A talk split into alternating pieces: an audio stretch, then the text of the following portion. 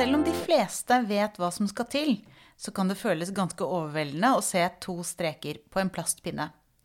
Det som skjer i ukene og månedene frem mot fødselen, er et ganske komplekst molekylærbiologisk maskineri. Noen ting vet vi, men mye kan vi undre oss over. Og det er det forfatter og cellebiolog Katarina Vestre har gjort i boka 'Det første mysteriet'. Velkommen. Tusen takk.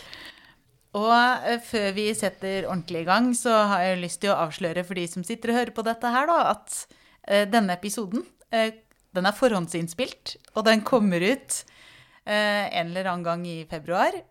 og da er jeg sannsynligvis Enten så har jeg kanskje blitt mamma, eller så er jeg veldig klar for å bli det. så vi har rett og slett vi har en case som vi kan ta utgangspunkt i. Um, når vi skal snakke om uh, dette komplekse cellemaskineriet som uh, ja, i opptakets stund skjer i min kropp. Det er helt merkelig å tenke på. Men du uh, har jo skrevet denne boka.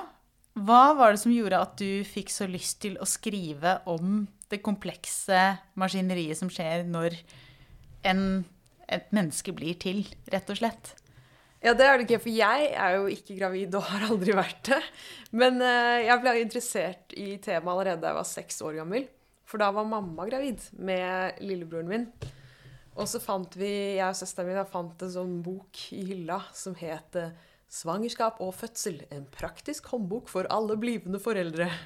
Og den syns vi var veldig gøy. For den hadde sånne små tegninger av fostre som vokser som var sånn Hvor de viste sånn faktisk størrelse, da. Så du kunne liksom se at det var sånn bitte lite størrelse med en fingernegl. Og så ble det større og større, og så så det veldig rart ut i starten. At det var formet som en reke og så ikke ut som et menneske i det hele tatt. Det syns vi var veldig kult. Men så, så glemte jeg det litt. Man blir litt dårligere på å undre seg over ting når man blir eldre.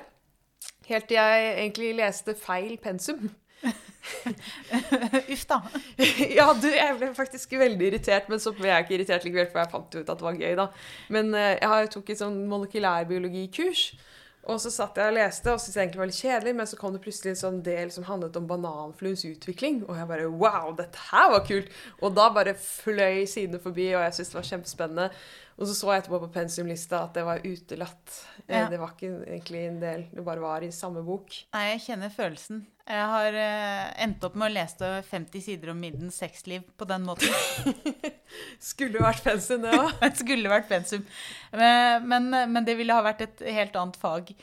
Men, eh, men ja. du ble altså så fascinert at dette var noe som du kjente at her må jeg fordype meg mer i i dette? Det, det er jo på en måte det virkelig, virkelig store mysteriet for meg i biologien. da, sånn fordi jeg har lært om så mange små ting i disse biokjemi- og molekylærbiologikursene, og du lærer om gener, og at gener blir til proteiner. Men det å zoome ut og se hvordan alt det virker sammen og blir til et helt menneske, syns jeg er helt sprøtt. Og da ble jeg sånn Jeg hadde lyst til å finne ut hvor står vi nå, for jeg regnet med at vi vet eh, litt mer enn det jeg så i den svangerskap- og fødselshåndboka. Eh, men samtidig sikkert ikke alt. Og så syns jeg det var litt mangel på bøker der ute som appellerte til meg, fordi veldig mange av dem er sånn 'Nå er det lille nurket i magen blitt på størrelse med et eple', og gjør ditt og datt, og Veldig rettet mot at noen har noe inni magen sin. Uh, og det skjønner jeg at er utrolig spennende. Du har sikkert lest mange sånne ting. Men dette er jo utrolig universelt. Det har jo vært oss. Det var deg, og det var meg, og, og det som er inni magen din, da. Så ja. det er liksom noe som uh, kan interessere alle, og, og hvor det også er plass til å ha mye sånn kul biologi og gå litt ordentlig inn, tørre å grave seg ned til genene og ikke bare snakke om når jeg begynner hjertet å slå, men liksom zoome enda mer inn og se på cellene og hva de gjør. Ja, For det er jo like interessant å stille seg spørsmålet hvorfor begynner det å slå akkurat da, eh, som bare at det slår. Mm. Eh, og det kan vi sikkert komme tilbake til, men jeg kjenner meg veldig enig i det du sier, at det er vanvittig mye sånn mammalitteratur på internett da, spesielt, som forteller mye om hva er det som skjer i kroppen din akkurat nå. Og det er veldig fint, men um, den sier veldig lite om det derre hvor sært og rart dette egentlig er. Fordi uh, det er mange ting som jeg i hvert fall syns jeg kunne plukke opp i boka di, som jeg tenker at uh, dette her er jo så morsomt at dette, vi, dette burde flere også ha fått, fått med seg. Um, kanskje særlig når de sitter da med med en sånn liten reke i magen. For det er jo det de ser ut som på et tidspunkt. Mm. Ja. Uh, og jeg tenker at uh, ja, vi kan jo kanskje begynne med starten. Kanskje ikke akkurat den, den uh, Altså Opptakten. Opptakten, atferden som fører til befruktning, men bare selve befruktningen. fordi det tenker jeg det kan være en helt annen podkast. ja, men hva er det som skal til for at uh, to uh, celler møtes og blir til én befruktet celle? Hva er det Ja, det er utrolig, for er, allerede der er det jo så sinnssykt mye som må klaffe. At man blir jo litt sånn paff av at det går an. Fordi uh, det er jo ganske langt disse sædcellene skal bevege seg før de er ved egget. Og så har man prøvd å finne ut liksom, hvordan vet de hvilken vei de skal. Og, Vet de det? man, da har man i hvert fall funnet ut at de kan registrere bitte små temperaturforskjeller. Og det er litt varmere ved målstreken. Så det er en mulig ting de kan benytte seg av. Og så har de også sånne luktreseptorer på overflaten, akkurat som vi har i nesa. Har sædcellene på overflaten sin. Så man lurer på om de kanskje også kan lukte seg litt fram til signaler som kommer fra egget. Nettopp. Men eh, for ellers er det jo ganske vanskelig å finne fram uh, der inne, vil jeg tro, da. Ja, og så er det jo på en måte Det er jo ikke som at eller, kroppen har lyst til å slippe inn hva som helst. Så det er jo ganske mye sånn immunceller og syre og slim og greier de må komme seg forbi helt i starten. Ikke sant. Litt sånn, litt sånn krigføring eh, fra mors eller kvinnens side, da. Sånn eh, ja, en slags sånn Hva skal jeg si uh, hinderløype? Er vel kanskje et greit uh, ord for det. Uh, ja, det ser jo veldig kaotisk ut inni disse egglederne. Jeg måtte drive og søke opp litt bilder. Jeg har så rar søkehistorikk. Fordi jeg hadde lyst til å skildre litt hvordan det ser ut. Og det ser jo liksom nesten ut som en slags sånn skog med alle disse hårene på overflaten av cellene som svaier rundt. og og masse sånne groper gapper og kriker og kroker man kan sette seg fast i. Ja, og det gjør de jo kanskje også. Ja, det er ganske mange som faller eh, fra underveis i uh, svømmekonkurransen. Ja. Og man lurer jo til og med på om, no om det er meningen at noen skal på en måte bare ofre seg for å hjelpe de andre framover. Ja, altså rett og slett liksom svømme foran som en slags sånn derre Sånn som trekkfugler, da, som, som flyr i en sånn V-form. Eller liksom dytte dytte, i starten dytte de andre litt oppover på et eller annet uh, vis. Ja. Og der er det jo et annet spørsmål som melder seg, i hvert fall i mitt hode. Altså, hvordan finner du ut hvem er det som, hvem som skal få lov til å bli den som blir dytta fram? Uh, men det, det, er kanskje ikke forsket så mye på. det som i hvert fall uh, man begynner å skjønne litt nå, er jo også at uh, hele denne historien om at liksom, det er liksom den flinke og heroiske sædcellen som kommer fram, blir litt sånn feil, fordi egget er jo også litt sånn kresent i eh, hva det har lyst til å slippe inn. Så det er ikke på en måte sånn at egget bare sitter der og gjør ingenting, og sædcellene er tøffe og svømmer og skal til prinsessa. Det er liksom en interaksjon mellom begge cellene her da, for å få til en match. Det er jo veldig nysgjerrig å høre. Liksom, å ha egget mitt sittet og bare Nei, ikke deg. Eh, det kan godt hende at hvis det Fordi det, det, er mye Det er mye rare sædceller med i miksen. Hvis man ser på dem, så er det liksom sånne doble haler og doble hoder og Ganske mange sånne mislykka sædceller med i miksen. Og de skal man liksom ikke Jeg tror ikke jeg skal si det til partneren min. Nei, altså jeg, Det er jo et eget felt uh, å bli uh, Jeg husker jeg hadde foredrag en gang for Pensjonistuniversitetet.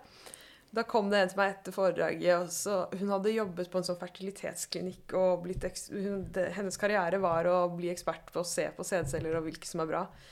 Og hun så bare Ja, det var jo litt rare de sædcellene du hadde på forsiden av boka di. da. Jeg er ikke helt sikker på om noen av dem hadde vært befruktningsdyktige. Så det, det er små marginer her.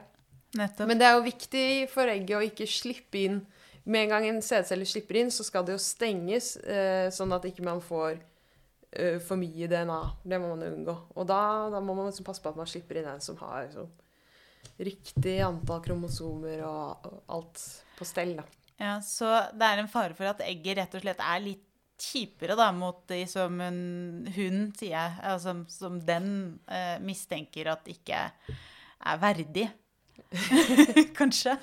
Ja, sant? Det har jo bare én sjanse, så gjelder det å velge den beste. Det, uansett så tenker jeg eh, eh, selv, om, selv om jeg sitter der og er kresen på en måte i, i, i enden av eh, labyrinten, eh, så er det jo Det er et stykke å svømme, og det er, det er litt imponerende. Eh, jeg tenker at det er, det er godt gjort. Ja, altså det er jo litt sånn Om ikke de er eh, heroiske prinser, så er de noen kule rumpetroll, disse sædcellene. Eh, et litt rart spørsmål, kanskje, som um, dukket opp i hodet mitt nå. Eh, det er jo bare én vinner. Hva skjer med resten av dem, egentlig? De dør jo, da. Det er jo uh...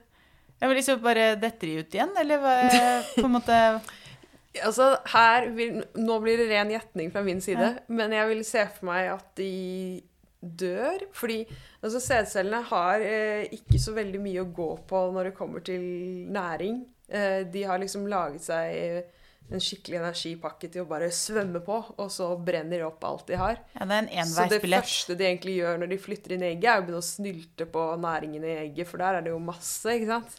Det er mye, mye større celle.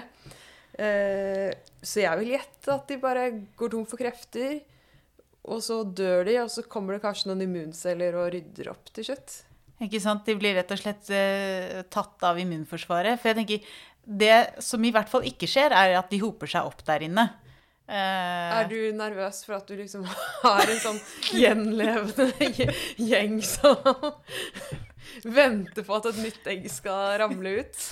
Eh, noe zombiesæd, liksom, som Ja. uh, har dødd for lenge siden og ikke kan gjøre noe. Jeg, har tenkt tanken, da. Uh, at jeg har lurt på hva som skjer med de som, som blir igjen der inne. Som Men- på en måte har svømt et stykke opp, da. Sånn inn Liksom ligger og venter i gangen utenfor egglederen, f.eks.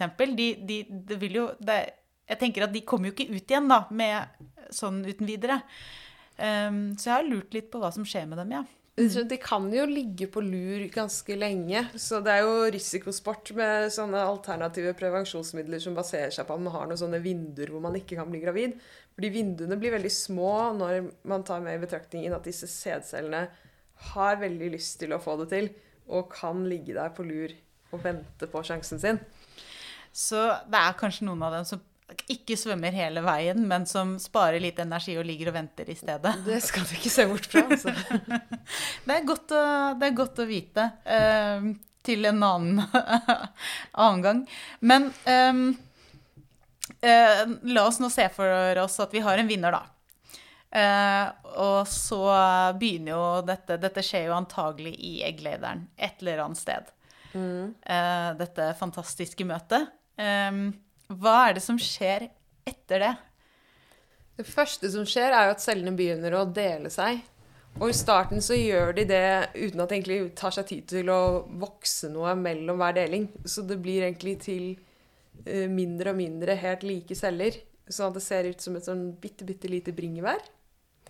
Og, det bringer, og dette skjer liksom mens eh, den, disse cellene flytter seg nedover på vei til livmoren. Og så kommer da det bringebæret fram til livmoren. Og da høres det veldig koselig ut da, med et bitte, bitte lite bringebær, men da er det i ferd med å bli eh, ganske sånn morderisk liten drapsmaskin. Eh, ja, drapsmaskin er kanskje litt brutalt, men på cellenivå i hvert fall. Så på cellenivå så kan den plyndre og herje og drepe, for da skal den grave seg godt inn i livmorslimhinnen. Ja, så det første min baby, mitt kjære, søte lille barn, har gjort eh, i bringebærform, det er å ja, grave seg inn i det som ellers ville blitt min menstruasjon, da. Ja, fordi du har jo laget en veldig tykk hinne. Fordi du har jo ikke Det er ikke helt i din interesse at det skal være fritt fram til dine blodårer og din næring. Fordi hva hvis dette kommende barnet viser seg å ikke være helt som det skal? Da er det jo bedre å prøve på nytt med et nytt barn. Hvis noe har gått galt. Ikke sant? Så At jeg slapp inn feil sædcelle, eller eh, et- Ja. at det kom flere sædceller inn, f.eks., eller ja, et eller annet. et eller annet er helt feil, sånn at det kan egentlig ikke vokse og bli til et ordentlig friskt barn. Da kan man jo heller prøve på nytt, men for akkurat dette embryoet så er det nå eller aldri, ikke sant? Så det skal bare grave seg inn og få tilgang på næring fra ditt blod. Og lage det som skal bli til morkaken. Så det har vært et sånn slags eh, evolusjonært eh, våpenkappløp her, da. Hvor eh, moren svarer med å lage tykkere og tykkere slimhinne, og embryoet svarer med å grave seg dypere og dypere inn. Sånn at vi har endt opp med å ha en helt sinnssykt avansert morkake, vi mennesker. Ikke sant? Fordi det, det blir jo barnets eh, ja, krigføring mot mor, på et vis, da. For å klare dette her. Men, ehm, men kan, kan du forklare litt hva er det som da egentlig skjer? Fordi jeg vil jo tro at min kropp ikke bare har laget en veldig tykk eh, slimhinne eh, for å på en måte gjøre det litt mer vanskelig. Akkurat som at det er en hinderløype for disse sædcellene, så blir det litt vanskelig for, eh, for et befruktet egg å klare seg også. Men idet den har gjort det, da hvordan er det, er det over da? Er, det, er min kropp liksom ferdig med å lage barrierer mot graviditet? Eller, eh, eller fortsetter den å liksom teste embryoet for eh, ja, overlevelsesdyktighet? Ja, fordi på en måte din, ditt standardprogram er jo bare Nå kvitter vi oss med hele denne slimhinnen og alt som bor i den. Det er jo på en måte det som skjer vanligvis hver måned. Ja. Så for at det ikke skal skje, så må det komme et motsignal. Og det skjer da gjennom embryoet. Så hvis alt er som det skal, og ting fungerer greit, så klarer det å lage et signal som bl.a. blant annet et som heter HCG, som er en sånn proteinbeskjed. Og det eh, skrur da på eh, andre hormoner hos deg, som forteller kroppen din at OK, avlys standardprogrammet, og fortsett å beholde denne slimhinnen. For her er det noe bra som vokser. Ikke sant? Så den hacker kroppen min på et vis, da. Gir en eh, motsignal. Eh, eller avbryter det som var i ferd med å ja, skje. Fordi jeg ble jo egentlig skikkelig skuffet da jeg fant ut at det er nesten ingen dyr som har mensen. Fordi da jeg fikk mensen da jeg var liten og bare ja, dette var jo noe dritt, skal dette skje hver måned resten av livet? Så fikk jeg ut at ja, men det er jo en gave fordi det betyr at du kan få barn. Ja, Det syns jeg er en kjip trøst, for det er ikke så gøy med mensen. Ja, og liksom, ja, men kuer, hester, griser får jo barn de også, og Ja. de har ikke mensen. Hvorfor har vi, hvorfor har vi mensen? Så hvis du zoomer inn på morkaken til la oss ta en hest, da. Ja. Nå har vi jo snakket om denne invasjonen hvor liksom embryoet graver seg inn. Og det er jo liksom bokstavelig talt blodbad. Altså den, den lager sånne små bassenger som fyller seg med blodet ditt, og liksom vikler seg rundt det for å liksom suge opp ting fra blodet ditt. Så, så blodet er ikke i direkte kontakt, men det er bare en tynn hinne mellom, eh, mellom deg og, eh, og det som skal bli til fosteret. Altså litt som en parasitt, eh, høres det mest ut som. Veldig som en parasitt, ja. For du får jo ikke heller så veldig mye tilbake. Nei. Kanskje om 18 år, da. Nei da. Men, men så ser vi på morkaken i hesten, og da er det mer sånn noen sånne kosesmå tråder som bare vikler seg litt sånn utenpå blodårene, uten å liksom grave seg inn uten alle disse blodbadene. Så det er på en måte mye lettere å bli kvitt, da, uten at, uten at du har alvorlige indre blødninger. Eh, Så du trenger liksom ikke å kjøre på med å slippe ut en hel slimhinne, Nettopp. fordi den ikke har trengt så dypt inn, da. Ja, så eh, da er det høres ut som det kanskje er litt lettere for hesten å bli gravid, men også litt lettere å, å på en måte avslutte det uten ja, Ikke en så brutal nødbrems eh, som det vi har, da. Vi har på en måte nesten alltid nødbremsen på, og så bare er unntaket at å ja, nei, nå funker det. Ikke sant? Det er, er ikke det egentlig litt rart? At vi eh, har det? Eller er det fordi at eh, arten mennesker liksom har sex såpass mye, holdt jeg på å si? Vi har ikke noe sånn egen paringstid hvor vi liksom konsentrerer eh, konsentrerer det til den ene gangen i året, eller noe sånt, men det er mer sånn hele tiden, på et vis, da. Ja, fordi det er jo noen dyr som f.eks. har at eh, de på en måte får eggløsningen idet de parer seg. ikke sant? Og det er jo egentlig veldig lurt, da, for at ikke man slipper ut egg eh, hver måned, men at det er mer sånn Ja, så slipper man å pare seg så ofte. Ja. ja. og så da er det liksom sånn Da vet man at ok, det var én paring, da det er greit. Da slipper man å gjøre noe mer med det, og så blir det barn av det, på et vis. Mens vi mennesker er mer sånn uh, Bruker den paringen til veldig mye annet rart. Så da må vi ha den nødbremsen. Er det Jeg vet ikke, nå bare fantaserer jeg om hva det, hva, hva, hvorfor det må være sånn, men uh, ja, men Det kjedelige svaret er jo ofte at liksom, å, dette var bra nok, så vi går for det. Ikke sant? Så Ja. evolusjonen er en, ikke en perfeksjonist. Så her har det funka.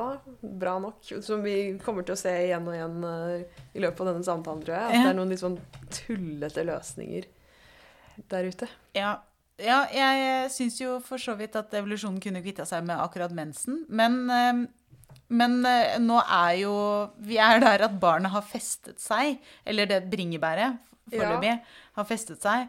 Og så begynner jo altså, Nå er jo disse cellene ganske like.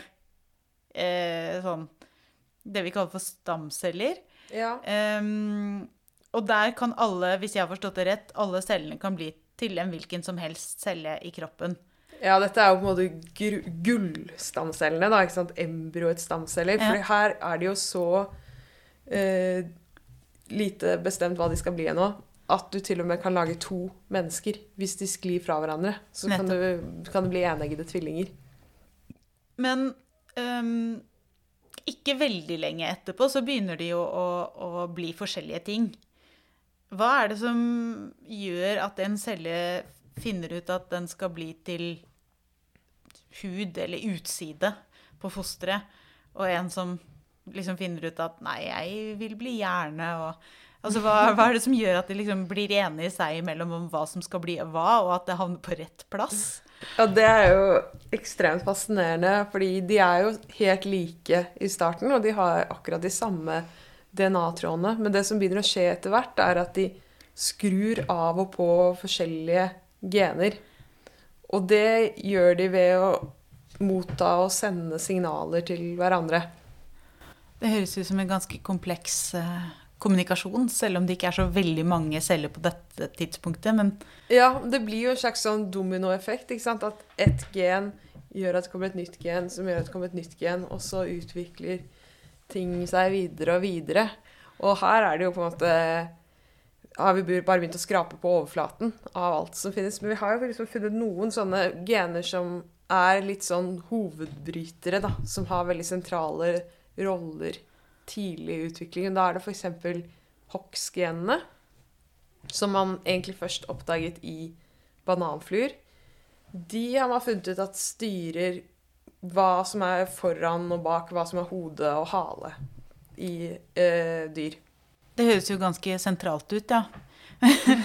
Ja, de fant man egentlig fordi med bananfluer så kan man jo liksom avle opp masse masse bananfluer, og så begynne å liksom se på bananfluene og se om det dukket opp noe rart i gjengen. Og da så de plutselig at noen av bananfluene hadde eh, hårete, tykke bein midt i ansiktet der hvor det egentlig skal være antenner. Eh, eller typ sånn eh, ekstra sett med vinger, eller noen bein som manglet. Sånne store forandringer i hele kroppsformen.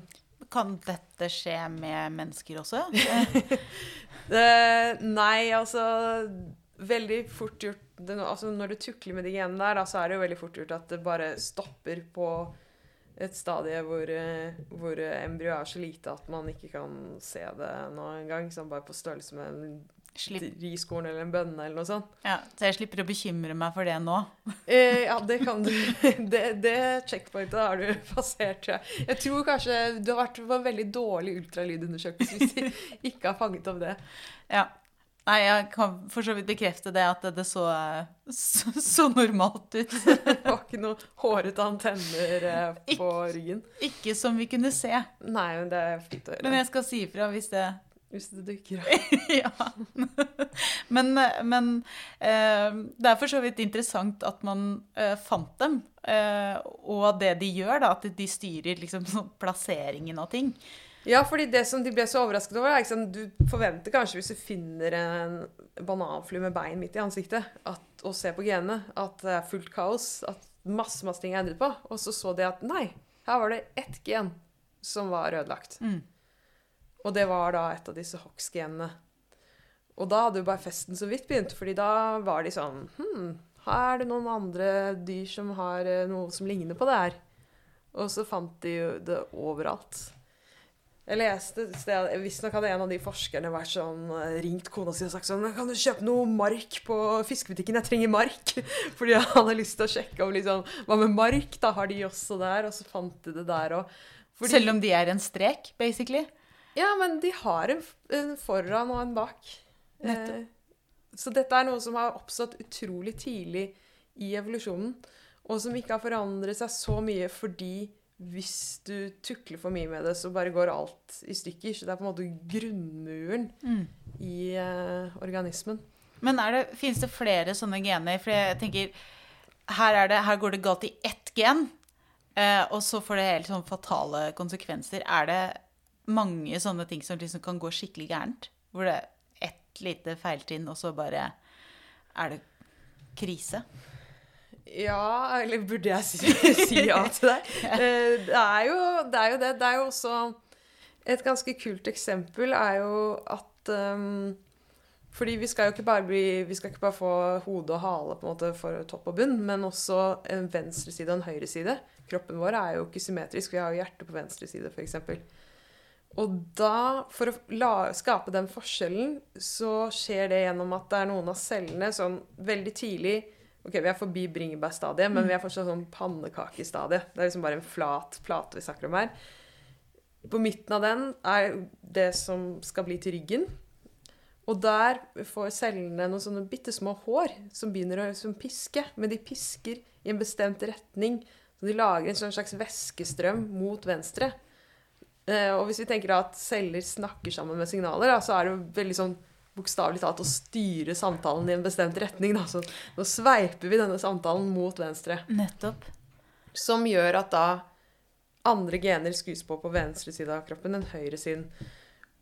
Og hvis noe går galt i disse små hårene, så kan det føre til at eh, personen blir født med hjertet på høyre side av kroppen istedenfor venstre. Det er det folk som blir.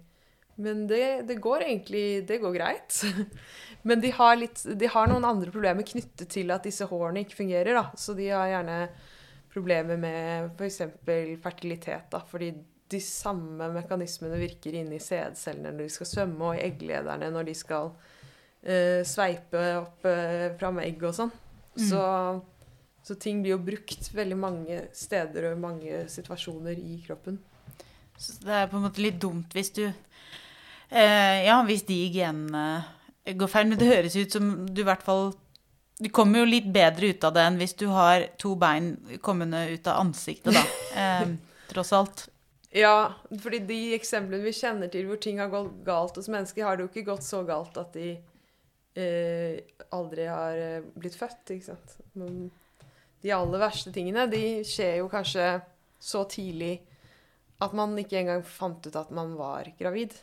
Nettopp. Fordi dette pannekakestadiet er jo sånn Det er veldig tidlig. Det er kanskje fem uker eller et eller annet sånt noe. Det er eh, enda tidligere enn det. Oi, ja. Etter ja, fem uker da begynner vi allerede å bli på rekestadiet. Men det kommer an på, altså man teller jo graviditetsuker på forskjellige måter. Så Ja. jeg har telt i boka mi i uker etter befruktningen. Men uh, som gravid får man jo ofte høre om tidspunkter som er liksom pluss to uker, fordi man regner fra forrige menstruasjon, som gjerne er to uker før befruktningen. Mm. Så Ja. man har på en måte vært gravid i to uker når embryo oppstår, som er ganske forvirrende. Ja, det tok litt tid å venne seg til den uh, måten å telle på. uh, men man blir veldig fort indoktrinert. Så kanskje vi snakker om den samme uka nå, Ja. egentlig, siden jeg tenker på fem uker, men det er jo for deg da syv uker. ja, noe sånt. Det, Ja. ja. Men, men etter det, da har du på en måte en, en forside, en, en bakside, og etter hvert får den også en innside og en utside. Og så begynner det å bli, så baller det på seg med kompleksitet, da, fordi da eh, Etter hvert så begynner jo noe som ligner på et hjerte å slå. ja. Um, og, eh, og dette er jo bare I gravidverden så er dette ca. seks uker. Eh, I din televerden så er det fire. Og det er jo også veldig fascinerende tidlig, da. Og det handler jo om at eh, ting må kunne spre seg rundt så for at altså embryo skal kunne vokse, da. Veldig lenge er det liksom bare på størrelse med et riskorn. Men da begynner liksom ting å stagnere litt, fordi skal du bli større enn det, så kan du ikke lenger satse på diffusjon, at ting bare sprer seg ut som melk i en kaffekopp. Du må faktisk aktivt flytte på det. Og derfor må liksom hjertet komme så tidlig, for ellers så kommer man seg videre. Man får ikke blitt noe større. Mm. Men det første hjertet er jo på en måte bare et slags rør som pulserer, da. Ja, For å bare hjelpe det. Litt sånn som de hårene som pisker ting mot venstre. som bare, Det, det hjelper bare ting å sirkulere. Uh, Ja, for det er ikke blitt sånn ordentlig blodårenettverk ennå på det tidspunktet. Så det ligner egentlig litt på sånn bananflue sitt eh, hjerte. For bananfluer har hjerte. Eh, Det kom overraskende på meg, og det er også litt sånn eh, hyggelig å tenke på. Eller kanskje litt fælt, egentlig, for jeg dreper ganske mange bananfluer. Men, men de har et sånn rørformet hjerte, og så har de en sånn eh, et insektenes svar på blod, da, sånn hemolymfe, som flyter rundt inni kroppen, og så kan liksom det røret liksom dytte det litt rundt, da, så du får friskt blod ut til alle organene. Men, men det som eh, foster- eller embryohjerte pumper rundt på dette tidspunktet, det er vel ikke Er det blod? Eh, eller er det, er det bare på en måte væske av noe slag? Det begynner ganske tidlig å komme noen sånne liksom, flekker av blod her og der, men, eh, men dette hjertet med liksom, som pumper ting gjennom det komplekse nettverket av blodårer, det er fortsatt et langt stykke fram i tid. Ja. Fordi vi eh, La oss nå på en måte hoppe fram til noe som ligner en reke, da. Eh, På dette tidspunktet så ligner det vel e- egentlig ganske mye på mer eller mindre alle andre pattedyr i samme stadie. Eh, Ja, det er jo nesten ikke mulig å se forskjell. Jeg pleier noen ganger, Når jeg har hatt foredrag, så har jeg vist liksom bilder fra forskjellige dyr, og da har vi typ sånn flaggermus, kylling, fisk eh, og menneske. Og be folk om å gjette hvilken som skal bli til menneske, og det er overraskende vanskelig. Fisk, til og med. Ja, det er på en måte sånn eh, Jo tidligere i utviklingen det er, jo mer likt er det. Altså etter hvert så ser du jo litt hva som skal bli fisk, men Ja. flaggermusen, der eh, Det klarer du jo ikke før eh, ganske langt ut i, i tid. Ja, så jeg burde kanskje egentlig liksom tenke på det ikke som reka, men flaggermusen. jeg tror jeg er litt forbi det nå. Men, eh, men det er jo ganske mange sånne festlige gennavn som har eh, viktige roller i dette puslespillet utover, som, som gjør at det ligner mindre og mindre på fisk, og på en måte mer og mer på menneske. Altså de, de tar jo litt sånn ulike retninger. Eh, Jeg har jo notert eh, noen eh, favoritter. Det ene er jo Ken og Barbie. Den, den er ikke så vanskelig å huske på. Hva, hva slags gen er dette? Og det er jo det er en sånn egen sans for humor hos bananflueforskerne, tror jeg. For det er der det jeg oppdaget. Og det var fordi de fant en bananflue som manglet ytre kjønnsorganer. Akkurat som eh, disse barbiedukkene gjør. Eh, så da fikk den det navnet. Ja. Men det som er litt kult med disse bananflygenene er jo at veldig mange av dem har de funnet en eh, variant av hos mennesker også. Så det er jo ikke bare liksom tull å drive forske på de genene, som f.eks. Eh, bananfluehjerte. Der har de funnet et gen som er veldig viktig for utviklingen av bananfluehjertet. Så viktig at faktisk de er hjerteløse, embryoene, hvis de mangler det genet. Så Oi. de overlever ikke. Det har de kalt eh, Tin Man, som er eh, den karakteren i Det engelske navnet på den karakteren i Trollmannen fra eh, Os. Trollmannen fra Os. Takk. Jeg holdt på å si Alice i Eventyrland, fordi hjernen min uh, tok kortsluttet. Men uh, ja. Han har jo da ikke noe hjerte, så det var liksom humoren der. Uh, og så fant de faktisk senere, da, når de undersøkte en gruppe pasienter som hadde sånne små hull i hjertet, som de måtte operere fordi det er ikke helt bra å ha små hull i hjertet. Nei. Da fant de et gen der, og så tenkte de sånn hm, Har vi sett dette genet før? Og så sammenlignet de det med i gendatabasene, og så at det var menneskets versjon av Tin Man. Så det, hos oss gjør det oss ikke hjerteløse, for vi har et mye mer komplisert hjerte, men det, er, det blir brukt i utviklingen av menneskehjertet òg. Spennende. Det er, eh, det, det er jo en del andre gener å ta av, men jeg tenker at eh, vi hopper videre et lite, lite byks til i fosterutviklingen. Fordi eh, det er jo masse eh, ting som kan gå galt. Ikke, jeg prøver å ikke tenke så mye på det, men så driver jo kroppen og lager masse ting som den ikke trenger. Um, jeg tror et av de beste eksemplene på det er jo hale.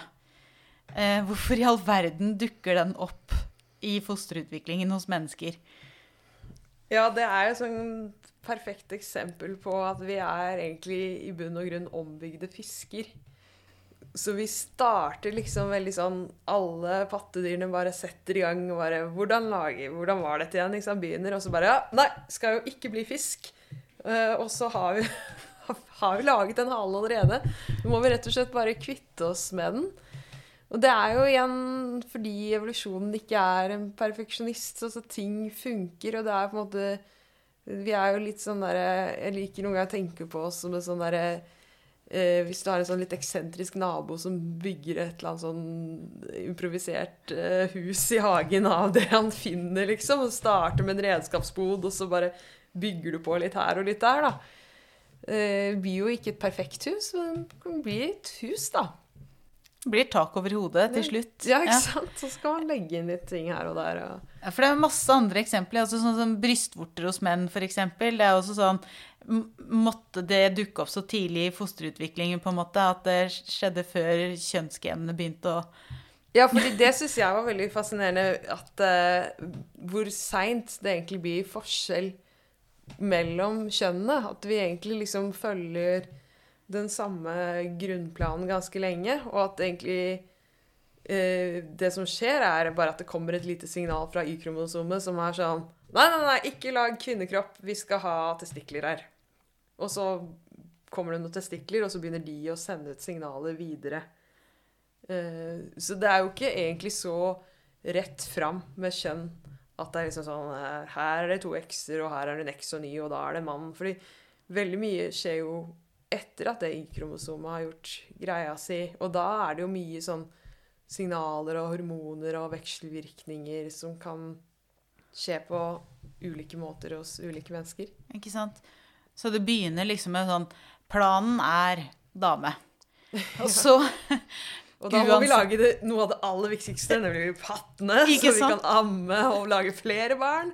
Så vi begynner er- med puppene, Ja, ikke de er veldig viktige. ikke sant? Det gjelder å skynde seg å lage dem. Og det er sikkert veldig mye sånn nerver og ting som må kobles opp der. Jeg kommer sikkert til å få god erfaring med Ja, nei, ja. Mm, det blir sikkert gøy. men, da, men da er det jo De er liksom rett på den, og så bare Nei, vent, forresten. Dette var Y, ja. Nei, da OK, vi lager testikler i stedet, også. Ja. uh, det, ja, det, er, det skjer jo litt sånn uti der. Um, uh, og Men det er jo masse andre ting. altså Som at uh, alle disse babyene de lager jo pels på et eller annet tidspunkt i fosterutviklingen. Det får jo foreldrene stort sett aldri med seg eller se. eh, For den pelsen forsvinner igjen. Men hva i all verden er, er dette? Ja, det, nå spør du godt. ja, det er jo bare igjen sikkert at eh, de ikke døde av å lage den pelsen, så det, den bare dukker opp. Eh, og så, men den hjelper jo også litt sånn med å holde sånn fettstoffer og sånn på plass på huden. Så den er, den er nok ikke helt ubrukelig. Nei, den er, de fleste babyer som kommer ut, de er jo relativt bare, da. Det er jo ikke noe som man som mor eller far får med seg at, at liksom har vært et stadie i utviklingen. Og det er de det er jo mange av disse mammaforumene som for så vidt også nevner det, men de går liksom ikke, det er ikke noen bilder av det. Mm. det er Alle babybildene ser liksom sånn veldig sånn ganske babyaktige ut eh, fra ganske tidlig av, da. Eh, så jeg syns det er litt artig å nevne det, fordi det er ja, kanskje ikke underkommunisert, men det er en liten fun fact i hvert fall. Eh, en annen ting er jo at det, i løpet av fosterutvikling så er det jo tre ulike sett med nyrer. Som jeg syns er en sånn fascinerende greie. Som de oppstår, og så uh, Ulike blodrensesystemer, rett og slett. Ja, de første nyrene er jo egentlig eh, De er jo ganske ubrukelige. De er, bare, er der bare en liten stund, og så forsvinner igjen. Så lager man noen nyrer som er litt sånn bønneformede nyrer som ligner ganske mye på fiskenyrer, som, eh, som man får brukt lite grann. Eh, men de var jo liksom ikke helt bra nok til heller, så de forsvinner. Og så kommer liksom de ordentlige nyrene på plass til slutt, da. Men da må de også på en sånn liten turné i kroppen. da. De må liksom ned, koble seg til urinrøret, og så skal de liksom litt opp igjen, for de ender jo liksom opp eh, ca. ved det nederste ribbeinet i høyde. Ja. Det er fascinerende, egentlig. Hvordan altså, at et organ ikke bare oppstår det og på en måte forsvinner flere ganger i løpet av fosterutviklingen, men når det først oppstår liksom, den siste gangen, så tar det en liten rundreise inn i fosterkroppen. Uh, ja, det er fascinerende. Uh, og ikke minst, uh, jeg sa jo dette at det er jo så mye som kan gå galt, men da blir man jo veldig fascinert av hvor mye som ikke går galt også, da. Det, de fleste som blir født, er jo friske eh, barn. Heldigvis. Så de, disse mekanismene har jo masse sånne kontrollsystemer som gjør at det, bitene eller brikkene faller på plass. Ja, det er jo helt utrolig at det fungerer. Jeg syns det er veldig fascinerende f.eks. hvordan hendene våre blir til. Ja. Sånn Apropos morsomme gennavn, der er det jo et gen som heter Sonic Hedgehog, som er sentralt. Og for de som ikke er sånn spillnerder, så er Sonic Hedgehog et sånn blått pinnsvin eh, fra et sånn japansk spill. En av klassikerne. Og det eh, navnet kommer fra egentlig igjen bananfluer. De gir jo gjerne navn til genene ut fra hva som går gærent når du fjerner genet. Og eh, disse hedgehog-mutantene eh, de ble som bananfluembrøer med masse pigger på kroppen. Så de så ut som pinnsvin. Så hos bananfluen heter det hedgehog. Men hos mennesker fant de fire varianter, så da måtte de liksom være litt kreative og bruke forskjellige typer pinnsvinarter. Eh, og så på nummer fire så hadde de ikke flere pinnsvinarter, så da tok de da videospill-pinnsvinet Sonic Hedgehog. Men hva er det som skjer hvis uh, dette genet ikke funker? Så det Sonic Hedgehog gjør i mennesker, er at det gjør veldig mange forskjellige ting. Men det er et sånn signalprotein da, som uh, gir celler en følelse av hvor de er, og hvem de skal være. Så i hånda så strømmer det f.eks. Sonic Hedgehog ut fra lillefingeren i det som skal bli til hånda. For i starten ser det egentlig ut som en padleåre. Så alle fingrene er liksom vokst sammen. Og så eh, må det jo da de bli til de fem forskjellige fingrene vi har. Og hvilken finger cellene skal lage der de er, det skjønner de gjennom uh, hva slags dose de får av Sonic Hedgehog-signal. Mm. Så det strømmer ut fra lillefingeren, så der er det veldig mye. Så er det litt mindre på ringefingeren, enda litt mindre på langefingeren, og så eh, minst på pekefingeren og tommelen. Og da får de skrudd på forskjellige gener, avhengig av hvilken dose de har fått. Så hvis uh, uh, Sonic Hedgehog-genet i lillefingeren er skikkelig overivrig, så kan du ende opp med for mange fingre, da? Det... Ja, det, det, ser man jo at noen typer sånne medfødte syndromer uh, da, får, eh, da kan barna få en ekstra finger. Mm. Og det er også en ting som faktisk kan skje hvis man har en feil i disse hårene jeg har sagt om før. Mm. Fordi de også er, kan fungere som slags eh, antenner på cellene og er med på hele denne signalprosessen fra Sonic Hedgehog. Sånn at uh, en av tingene som da er tegn på at noe er galt der, kan være at det er en ekstra finger eller tå. Nettopp. Og så er det ganske kult fordi da de cellene som ligger mellom fingrene, frivillig bestemmer seg for å dø for å liksom rydde plass til Oi! fingrene så det ikke er padleår ennå. Ja, det er jo også en minst like spennende prosess, da. At de blir enige seg imellom at OK, jeg tar en for laget, liksom. Eh, kan det skje at litt for mange selger bestemmer seg for det også? Eller?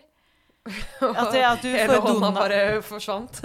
Ja, det, eller at du får en sånn Donald-hånd da, med bare fire fingre. Eh, det kan jeg jo se for meg at kan skje, uten at jeg har lest noen konkrete eksempler på det.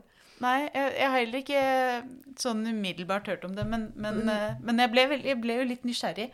Uh, men det er uansett Jeg tenker at jeg får jo veldig sånn ærefrykt for disse genetiske, ekstremt presise eh, tingene som skjer hele tiden inni min kropp akkurat nå.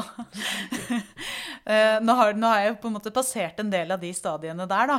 Eh, Så nå er jeg vel egentlig litt mer der at eh, babyen øver på å puste og tisse inni, inni min kropp. Ja, for det er jo også veldig spennende hvordan, liksom, hvordan de begynner å øve inni livmoren på sånne ting. Bare det at de sitter og tar seg selv i ansiktet bare for å koble ting sammen. ikke sant? Ok, her treffer jeg huden, det må kobles til den delen av hjernen. Og så har de jo eh, veldig lenge ingen synsinntrykk, fordi eh, øyelokkene er igjen. Men likevel så trener de opp øynene ved å nærmest liksom hallusinere synsinntrykk. da, Så man har sett eh, at i fosteret så kommer det masse signaler fra øynene selv om de er lukket igjen, som er med på å liksom lage de riktige koblingene i hjernen. Så kult at den ligger og ser for seg ting. Det er bare sånn umulig å se for seg hva er det de ser. Altså, Hva kan et menneske som aldri har sett noe, se? Ikke sant? Eh, Jeg har jo lest på um, disse mamma-nettsidene at eh, på dette tidspunktet i fosterutviklingen så skal den kunne åpne og lukke øynene, faktisk. Den skal kunne blunke. Men, eh, og den, visstnok så skal den også kunne se hvis man lyser på magen med en lommelykt. Ja, du har kommet dit, ja. Jeg har ikke du prøvd, men jeg har jo veldig lyst til å teste det. Og liksom se om det, det skjer et eller annet. Eh, og så skal den angivelig kunne smake, sånn at hvis jeg spiser noe veldig sterkt, eh, hvitløk f.eks., Ja. så, så kan man jo se for seg at den også får en bitte liten dose hvitløk og får liksom smakt litt på det, da. Eh, så jeg er spent på om Eh, og det tror jeg veldig mange i min situasjon uh, også tenker litt over. At det, burde jeg liksom uh, spise iskrem eller brokkoli for å gjøre barnet på en måte forhåndsinnstilt på sunn mat, da. Altså, de har jo gjort noen studier hvor, hvor de har puttet gravide mødre på sånn gulrotdietter, og så senere liksom sett hva syns barna om gulrøtter, og sett at de blir litt mer glad i gulrøtter. Nettopp, så jeg burde holde meg til brokkoli. Men jeg tror, eh, jeg tror den effekten er ganske minimal, og at det er andre ting som har mer å si når barnet blir eldre. Ja. Det er jo på en måte litt betryggende å høre. Men det du kanskje burde tenkt på, er en annen studie. som fikk de eh, noen mødre til å se på en sånn fast såpeopera Ja. eh, mens de var gravide. Eh, og den hadde en sånn kjenningsmelodi. Og så sjekket de ok, hva skjer med babyen når den hører den kjenningsmelodien etter den er født. Og de ble roligere og gråt mindre når de hørte den kjenningsmelodien. Så du må velge med omhu hva du hører på nå, for det kan bli din livbøyle hvis du har en litt uh, skrikete unge. For tiden så er det jo litt sånn eh, julemusikk, da. Det går i. Det er strategisk veldig, veldig dumt. Med mindre du vil liksom ha eh, februar og mars med All I want for Christmas. Naboene kommer til å kaste deg ut. Ja, kjæresten min kommer til å kaste meg etter. Nei, jeg får tenke litt eh, på det, og så velge noe eh, noen strategiske sanger. som, eh, som jeg kan ta, rett og slett. Og så, og så sjekke da om forskningen stemmer. Det er jo det som på en måte blir eh, spennende. Ja, nå må du kjøre på med mange personlige eksperimenter, tenker jeg. Ja, Gulrøtter og såpeoperaer og ja det, er lommelykter. det er derfor jeg ble gravid, for å liksom forske på det. Nei da. Men det, er, eh, det, det skjer jo veldig mye spennende i kroppen og med kroppen som, som jeg syns er fascinerende. Og, eh, og ikke minst det å tenke på dette maskineriet. Altså det er, eh, jeg syns du har med ganske god grunn kalt dette for det første mysteriet. Og så, men så tenker jeg at det er ganske mye potensial til å lage en oppfølger. Fordi eh, dette kulminerer jo i at dette barnet skal ut. Og det, det er jo liksom ikke slutt på ferden da. Det er jo mange andre mysterier i eh, ja, hvordan man lærer ting og i det hele tatt. Så det er eh, Det er mange ting vi kan ta av. Ja, for det Eh, som er litt kult, er jo det at hjernen blir man jo ikke ferdig med. Man rekker liksom ikke å bli ferdig. Det er ikke plass til å gjøre den ferdig inni livmoren. Så veldig mye av det som skjer på slutten, er jo liksom at hjernen vokser og vokser og vokser. Mm. Og så fortsetter det egentlig i aller høyeste grad etter fødselen. I så stor grad at man kan Noen snakker jo om at vi egentlig føder et foster som er et slags eksternt foster, fordi det er så lite ferdig at uh, man kan ikke egentlig kalle det helt et barn ennå. Mm. For det er så mye som fortsatt må skje i hjernen, og det må vokse så utrolig mye fortsatt. Vi har liksom verdens mest hjelpeløse unger.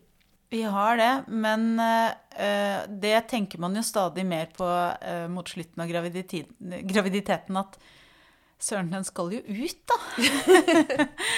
uh, og jeg tenker eh, også av og til på elefanten. De er jo gravide i 18 måneder eller noe sånt nå, så der har de jo god tid til å gjøre hjernen litt mer ferdig. Ja. Uh, så elefantbabyen kan jo på en måte reise seg kort tid etter fødsel og vandre av gårde Mm. uh, som en, en ettåring, da, i menneskeforstand, hvis man liksom oversetter det litt. Men eh, dette med fødsel eh, Hvem er det egentlig som avgjør når det eh, kommer i stand? Det er nok eh, litt sånn kombinasjon av mor og barn. Men noen av de aller første signalene kommer nok trolig fra barnet. Som sier noe sånt som at OK, nå er jeg klar for eh, en ny verden. Ja, man tror blant annet kommer noen signalstoffer fra lungene, for de er jo veldig sentrale for at man skal liksom kunne være ute, og ikke minst fra hjernen. For man har sett at hvis det er problemer med hjerneutviklingen, så kan det også gjøre at graviditeten varer lenger. Mm. Blant annet eh, et litt sånn makabert eksempel altså, fra sauer. Da var det noen sauer som ble forgiftet av en sånn giftig plante, sånn at eh, det ble alvorlige skader på hjerneutviklingen til eh, de lammene som sauene bar på. Og da snakker vi så alvorlig at de bare hadde ett øye i midten av hodet og sånn. Og da fødet de omtrent aldri, de bare fortsatte å være gravide. Fordi det ikke kom noen signaler om at, at hjernen var klar. Mm. Men dette, da snakker vi veldig på overtid, så jeg ville ikke blitt bekymret hvis, hvis du må vente litt ekstra. Nei, jeg tenker at eh, heldigvis eh, i Norge så har man jo ganske gode, mm, gode programmer og prosedyrer og oppfølging da mot slutten. Sånn Ja. at eh, hvis man er litt på overtid, så, så, følger, så følger de nøye med på det. Ja. Og alt det er jo uansett regnet ut fra gjennomsnitt, så det vil jo alltid være noen som ikke er helt på snittet. Mm. Ja. Og med det så tror jeg kanskje at vi skal runde av.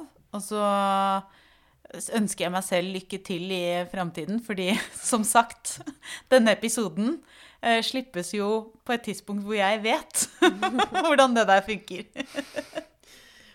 Sannsynligvis. Så Eller sitter veldig spent og venter på overtid. Så tusen takk, Katarina Vestre, for at eh, du kom eh, hit og ville dele fra boka di. Eh, Dette har vært en veldig, veldig spennende samtale. Så mm, jeg håper at vi får se deg skildre flere mysterier, for det er i hvert fall veldig veldig spennende å høre på når du snakker om det aller første. Og til deg som lytter, så vil jeg bare si at eh, det er som vanlig lov å sende oss eh, tips og tilbakemeldinger på biopodden at bio.no. Vi høres.